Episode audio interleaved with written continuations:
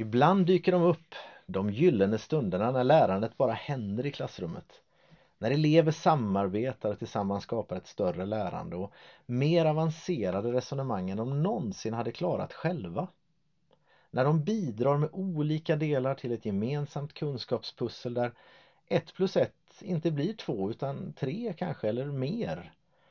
Jag vill vara en lärare som bidrar till att skapa en miljö där detta sker och där elever ser varandra som resurser snarare än konkurrenter.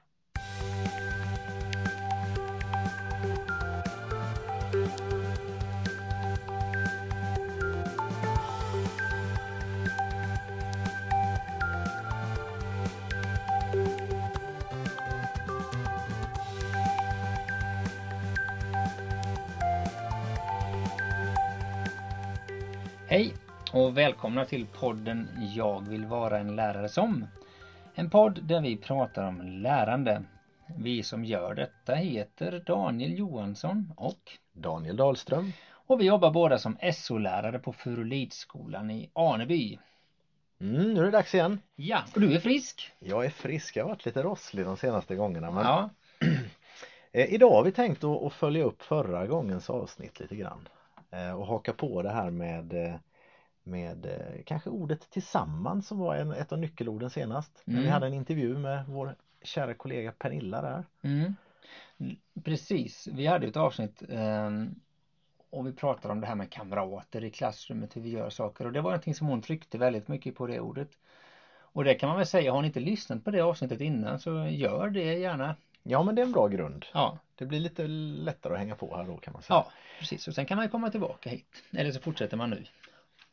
Det vi kände att vi kanske ville gå vidare lite med det var eh, lite frågan vi ställer idag är lite det här med kamrater som resurs eller konkurrent. Mm, precis. Eh, vi tänkte bena lite i det där idag.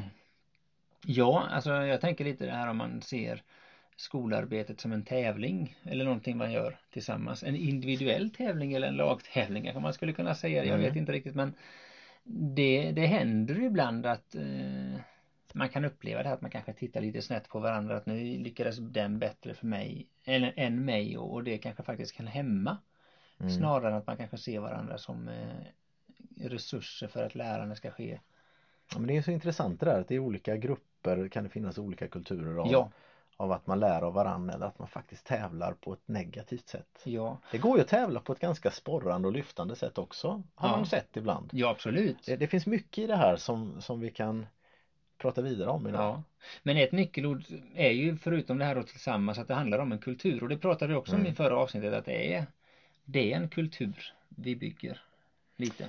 Så vi kommer fortsätta prata lite rent kring det här lite teoretiska resonemang men vi kommer också utlovar vi här eh, att gå in på, på praktiska tips kring hur man kan jobba för att skapa en kultur vi vill ha. Ja, och det är väl eh, lite ja, sånt som vi jobbar med och för en del kanske det är gammal skåpmat och för en del kanske det är helt nytt.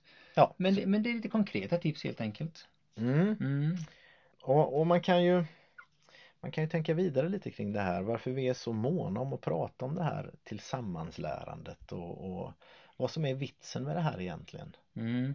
Vi, vi, har ju givetvis pratat en del om det men kan, kan du lägga till någonting där Daniel? Ja, alltså jag har ju förstått det så här och det tror jag verkligen på att något av det som ger mest effekt i lärandet Alltså det behöver inte vara en speciell metod men, men det som ger stor effekt i lärandet det är när vi förklarar saker för varandra. Mm. Och det inser jag ju själv att jag lär mig mer om jag också tvingas att förklara det för någon annan. Alltså när jag verkligen lär, tvingas att eh, sätta mig in i någonting så att jag ska kunna förklara det som en annan förstår. Då, då, då lär jag mig också väldigt bra. Det blir som en liten check på mig själv. För, för när jag ska förklara för någon då blir det tydligt om jag faktiskt inte har förstått. Ja, om jag bara har någon sorts hum om det. Det funkar ju inte när jag ska, när jag ska förklara för dig. Nej. Eh, så jag tror att det här, alltså det ger ju en rent kognitiv utveckling som man säger alltså för då kamrater förklarar för kamrater. Alltså man tvingas helt enkelt tänka till.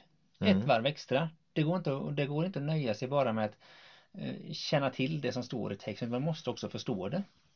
Så. Jag vet att du och jag stötte på någon gång en, en bild i form Mm. av en pyramid tror Ja. jag det var kan man säga, eller en triangel. Ja, Ehm, där jag tror det var så att det fanns, eh, alltså man lyfter fram just det här, den typen av lärande du beskriver nu mm, är det som gör att jag minns bäst, förstår Mm. bäst. mm, Om man jämför med att bara få något uppläst eller att läsa själv eller att se en film eller något sånt där. Men så, så blir det mycket mer kvar av lärandet när Ja. jag gör på det här viset. Man jämför till och med med att både laborera och faktiskt att göra saker. Så är den saken som ge- ger Ja, mest det. eh, att förklara för någon annan och då talar man om att ungefär 90% effekt, alltså Mm. eh, vad det nu säger i realiteten, men det är, ger en stor effekt att tvingas förklara för någon annan. Man kan söka på det här på nätet, det heter väl ja, men det heter lärande pyramid eller sånt där eller någonting. Mm. Jag är lite osäker på exakt vad det Ja, var men, sådär, ja. men, men det är klart det är intressant, det är klart det gör oss intresserade av den här typen av lärande. Ja, och sen är det ju så alltså i grupper som är elevledda, alltså där elever leder varandra i arbetet. Det finns faktiskt forskning som säger att det genererar mer lärande än när läraren går in och leder gruppen. Och vi ska titta lite, tänkte jag idag faktiskt, på, på saker som skulle kunna vara både motiverande och höja effekten. Vem är det du hänvisar till här Ja. när du säger att det finns forskning? Ja, eh, här är det Dylan William ja. som skriver detta i en bok som vi refererat till förut som heter Bedömning för lärande. Mm. Och han har ett helt kapitel som handlar om just det här om att se elever som lärande resurser Mm. för varandra. Och det finns fler som har skrivit om det. Eh, Kommer säkert att referera en del till Anders Jönsson som vi också pratade om i förra avsnittet. Ja, vet jag. Pernilla ja. var inne lite på den här boken. Han skriver också mycket om det här och det finns fler som har gjort det. Och, och det, det lyfts väldigt tydligt fram den här effekten att elever som leder elever ger ett stort lärande. Givetvis under vår både försyn och eh, ja, inflytande och kanske kontroll också men, men, men alltså i, i lärandemomentet så kanske det är elever som leder varandra framåt. Ibland, pra, ibland pratar man ju om att lärande konstrueras i ett socialt sammanhang. Liksom. Att Ja. det, det är en kunskapssyn man kan ha. Ja, kan man säga att vi ansluter oss lite till den kunskapssynen? ja man kan väl säga att eh, jag ånyo har upptäckt eh, Vygotsky lite faktiskt. Ja, Det är ett namn som dyker upp och jag vet när man själv studerade till lärare för länge sedan så var det ett av de här namnen som hölls ganska högt och jag kanske inte riktigt då förstod hur mycket jag senare skulle anamma hans tanke men han heter pratade det socialkonstruktivism? Ja, han pratar mycket om att lärande sker i Ja. relationen. Dels, eh, det finns ju olika relationer här Mm. Det är både lärare och elev. Det är elev och stoff, alltså det vi Ja. läser, det vi jobbar med. Men också elev-elev, att det sker ett lärande däremellan. Olika typer av möten. Ja, Men vi går vidare på det här med elev-elev idag kan man väl Mm, säga. absolut. Ehm, Och eh, om vi ska bli lite mer konkreta så kan man kanske lyfta fram några olika poänger med att just jobba tillsammans. Ska, vi, Mm. ska vi bena ut det här lite en sak i taget? mm. Vad, vad, vad vill vi börja liksom? Ehm, Jag tänker lite till exempel när vi börjar ett nytt arbetsområde, vilket Mm. vi gör ganska mycket i vårt ämne när vi jobbar med SO, det kan vara så. Så eh, är det bra tycker jag om man utnyttjar den förförståelse som finns hos elever. Och då tänker du någon sorts kollektiv Mm. Ja, det- förförståelse. precis, det, komma till det. det är inte intressant vad en enskild elev Nej. här utan nu snackar vi gruppen. Alltså den enskilde eleven bidrar givetvis med sin Mm. förståelse men tillsammans så bygger man ehm, en, en, eh, ja, någon slags plattform som man kan gå vidare på. Jag minns någon gång för länge sedan vi var på en föreläsning med Göran Svanelid och han pratade om att om vi skulle verkligen ta vara på den förförståelsen som finns i hela gruppen så kanske vi redan där kan få fram kanske 40% av det som vi faktiskt ska kunna inom det här området och då är ju redan där mycket vunnet. Och jag tror också då att lyfta fram erfarenheter och eh, eh, både förutfattade meningar eller det vi kallar för förförståelse också hos elever skulle- också kunna skapa kanske något av ett intresse hos eleverna att oj Mm. det här är någonting jag redan kan någonting av eller jag kanske blir mer nyfiken. Jag kanske har någon erfarenhet som tangerar det vi ska läsa Mm. så att man, eh, det, man är inte helt ute och cyklar. Och lärarens roll här blir på något sätt att vara med och sortera, strukturera den förförståelse som finns. Precis. Kan man säga. Det kanske är på en tavla kanske eller Mm. i någon form att man sorterar och man kan göra någon typ av brainstorm eller eh, Brainstorm tankekartor eller alltså på något sätt. Brainstorm är en variant och det kan ju vara på andra sätt också att man i smågrupper skulle kunna sätta sig och skriva ner vad man kan eller alltså man kan Mm. jobba väldigt olika med detta. Men bara det att man lyfter fram den gemensamma förförståelsen och det kan också hjälpa den då som kanske inte har så mycket förförståelse att redan där få någon typ av förförståelse för ingen blir ju utblottad att jag kan ingenting om detta, det är mig väldigt fjärran. Utan vi som grupp tillsammans, Mm. det blir inte kopplat till en speciell elev utan vi bygger någonting tillsammans. Och det är klart kan vi kan vi få 40% av, av målen uppfyllda en först, ett första pass eller vad som helst. Alltså Ja. det, det är klart där har vi ju här har vi ju otroligt mycket att vinna. Ja och sen Eh. behöver vi givetvis strukturera det och sätta det i ett sammanhang och sånt där. Men, men liksom bara det att det finns någonting där som man kan bygga vidare på tror jag är en jättestor poäng. Och att vi gör det tillsammans. Det Så kommer det ordet igen. Ja, tills, ja men absolut. Jag tror det, det har vi redan idag sagt många Ja. gånger. Precis som Pernilla gjorde senast. Ja, så det är en jättepoäng tänker jag. Ja, Förförståelsen, den gemensamma. Jag tänker också på det här att jag tror faktiskt att, eh, att jobba tillsammans i många sammanhang kan verka motiverande. Vi har ju tidigare pratat om motivation i den här podden. mm, Och det finns väldigt mycket som vi säkert kommer röra vid igen i det ämnet och en sak av dem är detta att faktiskt göra saker tillsammans. Jag tänker ibland att man jobbar i grupp. mm, Att det kan hjälpa till att dra den som kanske både tycker det här är svårt eller som kanske inte tycker att det är så roligt att de andra gruppen på något sätt kan att man motiverar varandra att göra jobbet tillsammans. Man gör Ja. det lite för laget. ja just det. Ehm, och jag tänker alla som någon gång har jobbat med, med lagidrott kan ju säkert vittna om den här känslan i omklädningsrummet där man taggar varandra för att gå vidare och kanske vinna sista perioden vad det kan vara. Men, men att det finns en motiverande kraft i att göra någonting tillsammans. Mm. Ehm, Ska man problematisera en aning här så Mm. finns det kanske de som också har erfarenheter av att eh, grupper som inte fungerar. Mm, Eh, absolut. En grupp som är där det finns någon som åker snålskjuts eller någon som vägrar delta. Eh, Det finns kanske någon typ av sociala spänningar här sedan tidigare eller någonting sånt där. Mm. Eh, Är det ändå värt att göra det här menar du? Jag tror att det är värt att jobba för att det ska fungera Mm. i fortsättningen. För att jag, jag vet ju det och vi stöter på det med jämna mellanrum. Ibland så kan det bero på att vi inte har tänkt till vad gäller gruppsammansättning. Det kanske är för stora grupper till exempel. Man kanske har en uppgift där inte alla känner att man behöver bidra och då är det ett problem. Men det kan också finnas sociala problem eller eh, just det att man kanske tittar snett på varandra. Eller kanske som vi nämnde i inledning här att man ser varandra som konkurrenter eller sådana saker. Jag Mm. vet inte riktigt. Och då tänker jag att vi har pratat om det förut, bygga en kultur där vi jobbar tillsammans. Jag tror att det är värt att försöka få till den för jag tror att vi vinner på att ha en kultur där vi, där vi har en vana av att faktiskt göra saker, lösa problem tillsammans. Men om man, det finns ju några små trick man kan ta till här tänker jag Ja. ibland. Alltså en sak som jag använder ibland det är ju, det är ju att man inte kanske ska jobba för länge i den här gruppen heller. Nej, Alltså jag Precis. tror inte på sådana här tre veckors grupparbeten. Eh, Jag har ganska dålig erfarenhet av det. Men däremot om det handlar om säg 40 minuter eller 20 minuter eller 10 minuter.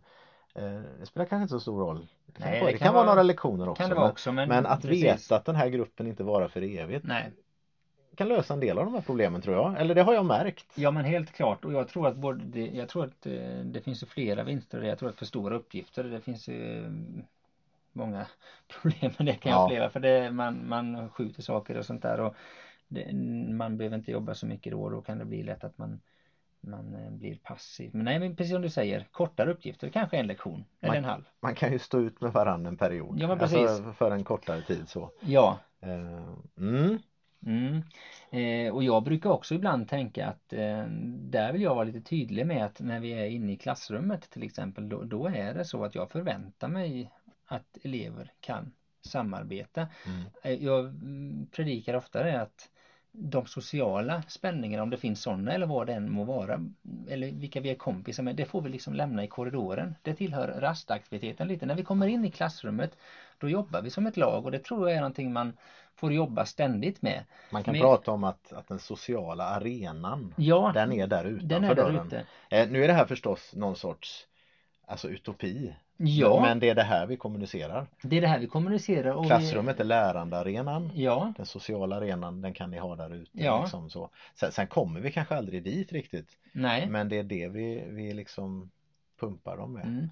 Men genom att ha ganska korta grupparbeten så kan man hela tiden ha olika grupper vilket man gör att man ser, kanske man lär sig det att mm. vi vet att vi kanske till och med blir lottade i de här grupperna och då får vi liksom gilla läget lite för i nästa tillfälle om två lektioner kanske jag hamnar i en helt annan grupp eller det finns Det kan ja. ju faktiskt också i, i många sammanhang vara ett tips det kan vara att tips. faktiskt lotta grupperna inför eleverna. Det har jag gjort ibland. Eh, för, det här, ofta, för den här känslan av att jag är placerad i den här gruppen för att hålla isär de här två bråkstakarna ja. eller för att dra den här gruppen. Alltså, ja. Sådana där känslor som man kanske tror att läraren har gjort grupperna utifrån.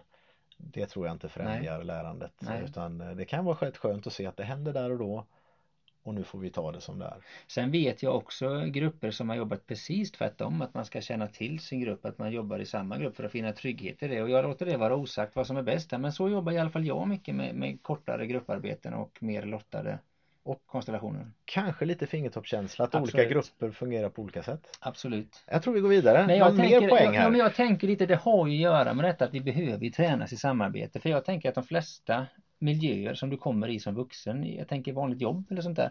Du hamnar i ett arbetslag där du inte har valt dina kollegor själv.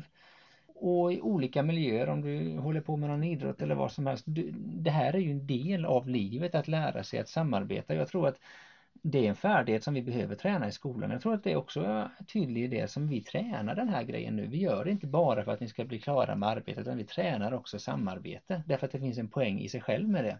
Helt plötsligt sitter man där och ska göra en podd ihop med någon kollega. Som man inte gillar överhuvudtaget. Eller hur? Till exempel. Så kan det vara. Nej men eh, du förstår ju vad jag menar. Och det brukar jag ofta lyfta för jag har ofta elever som säger jag jobbar bättre själv. Ja, och det är jättebra. Det, ibland så ska man absolut få göra det för jag tror inte allting ska vara grupparbete eller samarbete hela tiden. Man behöver kanske ha sin oas också. Ja, men, och... men var tydlig med att det här är en träning, en social träning. Ja men så är det ju. Sen finns det en diskussion kring det man kallar för introverta och extroverta individer som kanske mm. trivs i olika sammanhang och sådär. Mm. Men, men det är nog svårt att säga emot det där att vi faktiskt behöver tränas i en social mm. eh, kontext. Liksom. Och jag tycker alltså om jag tittar på eh, på läroplanen som vi följer och, och de kunskapskrav som finns där så det, det kommer ju ofta fram det här med att man ska kunna både resonera och argumentera mm, och, och den grejen alltså att kunskapen är inte eh, bara för mig utan det finns hela tiden någon typ av samarbete i kunskapandet och att faktiskt förmedla sin kunskap det tycks som att det är viktigt att vi lever i en social kontext, att det, mm. det framgår med tydlighet i läroplanen och därför tänker jag att det är ju också, eftersom vi ska kunna argumentera och resonera så är det väl bra att vi kan träna det gentemot varandra då så att andra Absolut. människor förstår det vi säger. För då kan man ju få dessutom respons av varandra. Och, ja. och det här är ju någonting vi har pratat om redan så att mm. säga men att träna sig att ge respons, att få respons och, och feedback. Ja det är, ju jätteviktigt. svårare att göra om man jobbar själv. Ja, eh, så är det givetvis. Vi kanske inte behöver säga så mycket mer om det men, men det är ju bara att konstatera. Mm. Ehm, ja. Vad, vad, vad är värt att tänka på mer här nu då? Ja, alltså jag, jag tänker att man skulle kunna utföra några Säg varningar, vad som helst. Vi gillar ju varningar. Ja, men det är spännande. Ja, men alltså det finns ju saker man kan falla in i som jag är lite skeptisk mot faktiskt. Eh, Berätta vidare, ja, vad, jag, vad tänker du på då? Jag tänker på till exempel ibland så gör vi grupperingar utifrån något slags nivå på olika sätt. Ja.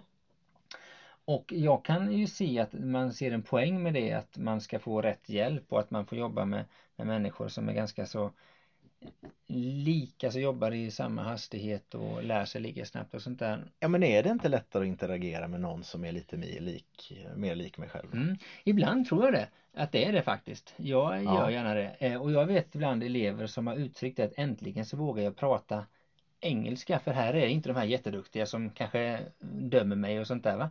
Men jag tror det finns en väldig fara i att gruppera efter nivå hela tiden för det finns risker i att jag faktiskt om, om jag hamnar i en grupp som där vi kanske jobbar lite långsammare så helt plötsligt kanske jag känner mig som lite sämre. Jag får en stämpel av en jag är inte en sån där elev som kommer nå mycket längre.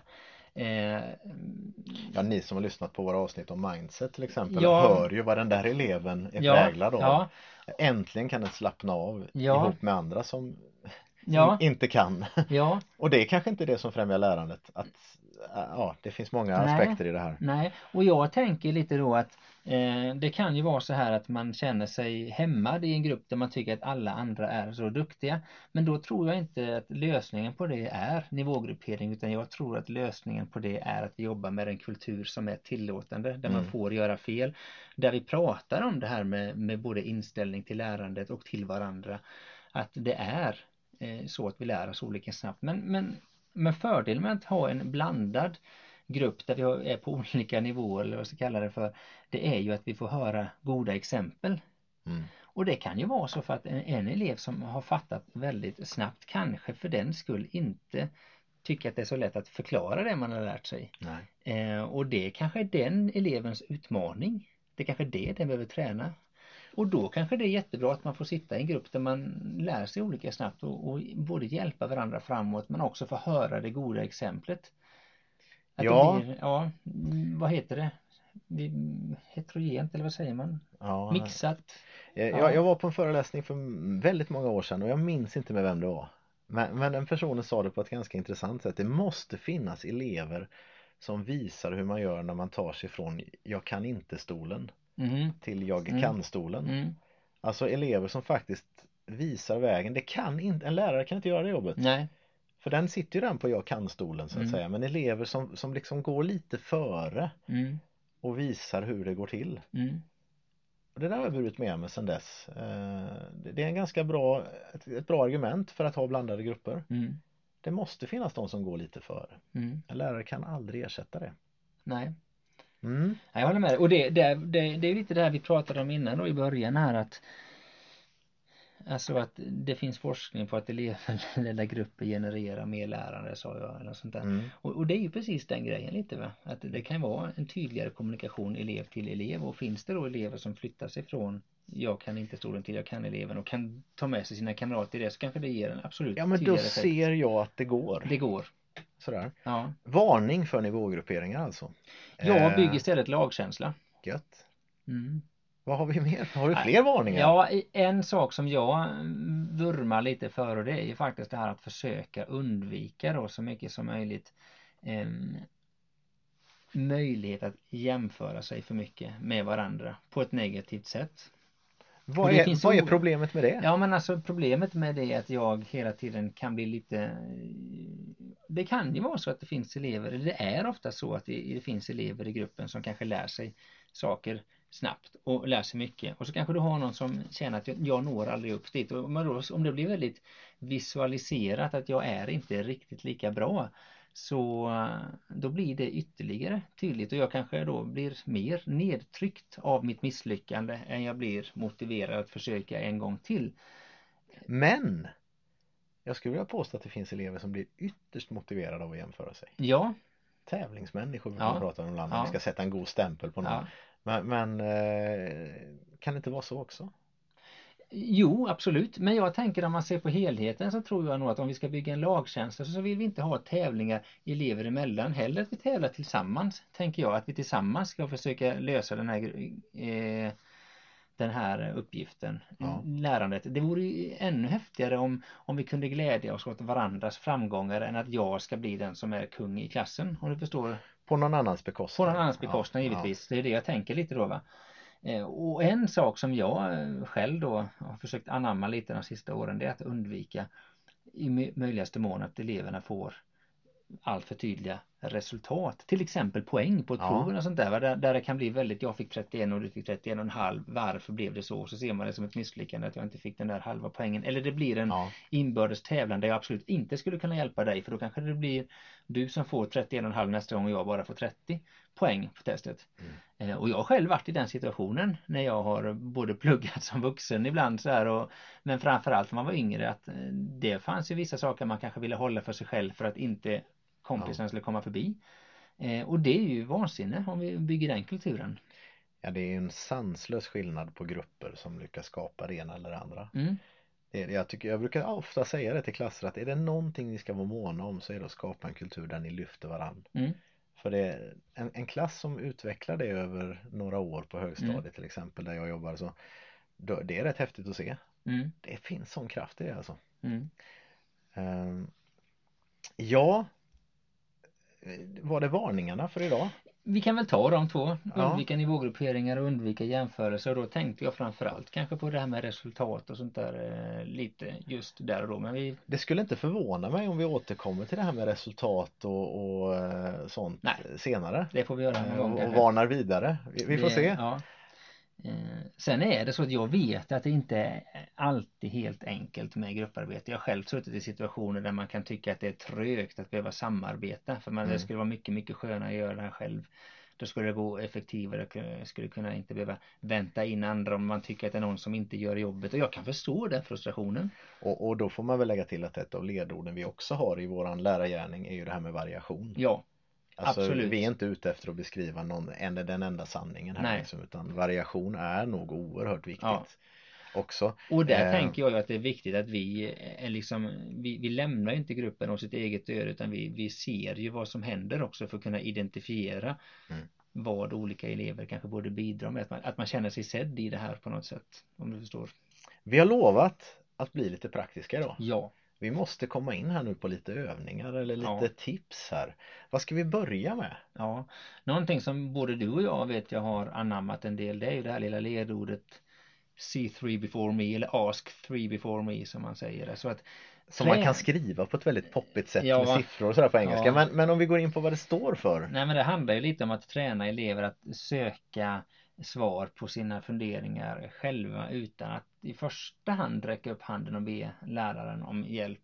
Inte för att inte vi ska ha någonting att göra men därför att vi kommer ju inte följa med den här Nej. eleven eh, genom livet och just då att kunna söka svar hos sina kamrater. Att alltså kolla upp tre olika, det kan vara tre olika kamrater eller man kanske tittar i boken och någon kamrat. Man tillsammans försöker lösa de problem och frågor man har innan man dyker på läraren. Jag tror att det är en Kanske, jättepoäng i det. ja, kanske göra tre försök. Finns det svar i boken i någon text eller finns det, kan jag kolla på datorn eller någonting eller kan jag fråga ett par kamrater eller Mm. sådär. Innan man börjar vifta med handen eller börjar ställa frågor till läraren och sådär. Mm.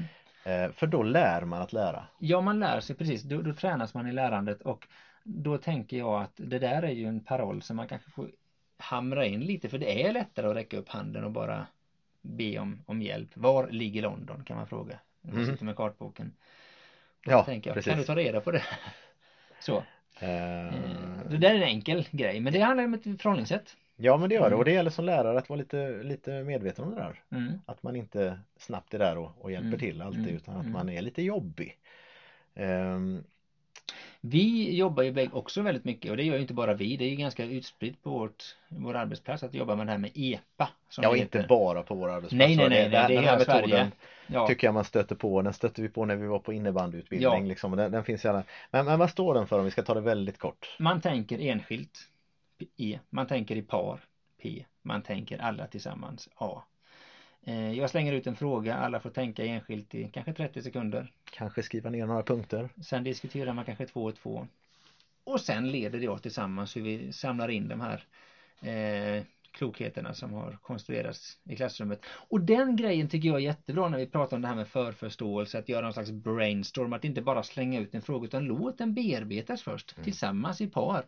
Alltså eh, hjälp varandra att tänka. Och det blir inte lika känsligt om jag dyker på någon med en fråga för då har man fått resonera kring den innan. Man behöver inte bli blottad där utan jag kan ju referera till vår lilla diskussion istället för att själv då tänka jag har ingen aning om detta. Ja, jag slås av hur denna enkla metod är så effektiv. Alltså Ja. i grupper där man är rädd att säga vad man själv eh, tänker och tycker och sådär. Så är det så tryggt att kunna säga att vi pratade om i vårat par. Ja, Ja, det är nästan löjligt. Jag var med om en händelse Ja. häromdagen där det, där det gav sån otrolig olika effekt. Att ställa en fråga rakt ut till den här gruppen där det var helt tyst. Eller ställa en sån här EPA-fråga där Ja. det bara pff, satte Ja. igång en diskussion och alla ville vara med och berätta sen. det är lite Ehm. samma sak. Man pratar bikuper och sånt där ibland. Man sitter i Ja. smågrupper och diskuterar innan man tar en gemensam. Det är ju samma tänk. Mm. Fast här då eftersom man är i par så blir det flera olika diskussioner. Och det är bra. Ja, eh, ska vi nöja oss med de två eller ska vi nämna ett par eh, metoder till bara väldigt väldigt kort? Det finns jättemycket metoder. Vi brukar köra lite checklistor inför prov. Alltså gemensam provförberedelse. Vi kanske har en lista på det här ska du kunna. Sätt dig och förklara det här för en kompis och den Få kryssar av. kompisens kryss eller en Ja. anteckning eller något sånt där ja. Eh, Det skulle kunna vara en bingo som vi kör ibland där man skriver ut saker. Man ska få en elev att förklara ett begrepp. Till exempel mellankrigstiden. Då kan jag sätta ett kryss i min ruta. Hitta någon som brukar Hitta vi kalla någon det där som för. brukar vi kalla det Ja. För. Vi läste nu i någon bok här om att man skulle kunna köra som spelet tabu. Man ska förklara ett begrepp utan att använda vissa ord och då tvingas man att förklara någonting med hjälp av andra Mm, ord. mm. Så va?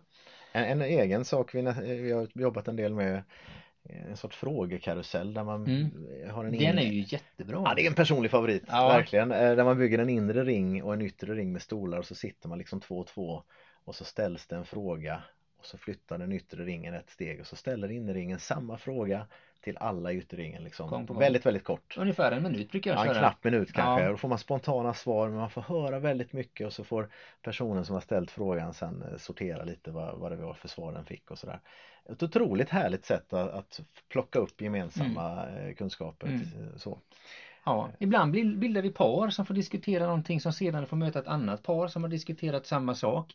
Och så får de utifrån sina diskussioner kanske formulera något gemensamt svar. Alltså att man, man har förarbetat i grupper och sen så möts man i nya grupper. Alltså det finns otroliga varianter på detta och det handlar väl lite om att använda sin fantasi men bara det att man tänker till att här ska vi skapa möten där man kanske tänker i flera led, i flera steg. Det tror jag är en nyckel i detta. Möten för lärande. Möten för lärande, det kanske vi skulle kunna Kan det bli ett slutord nästan Ja. idag? Eh, Det är nämligen så att du har lyssnat på podden Jag vill vara en lärare som som idag handlar om att vara en lärare som skapar en miljö och en undervisning där elever ser varann som resurser snarare än konkurrenter. Följ oss gärna via vår Facebook-sida som heter just Jag vill vara en lärare som eller vår hemsida som heter jag eller direkt via Soundcloud eller iTunes. Vi finns eh, också att nå både via Facebook och via mejladressen daniel att jag vill vara en lärare som.se och där kan du som vanligt både ge respons, ställa frågor eller komma med idéer. Gör gärna det. Och då tänker jag inte minst utifrån, vi har ju varit inne på några tips här. Vore det Mm. inte kul om det kom in lite fler tips? Så här jobbar jag med kamrater. Absolut. Det vore bra för mig att få lite nya tips. Ja tack, Ja. alltid, alltid tacksamt. Eh, Med de orden så tackar Daniel och Daniel för oss och eh, vi hörs snart igen.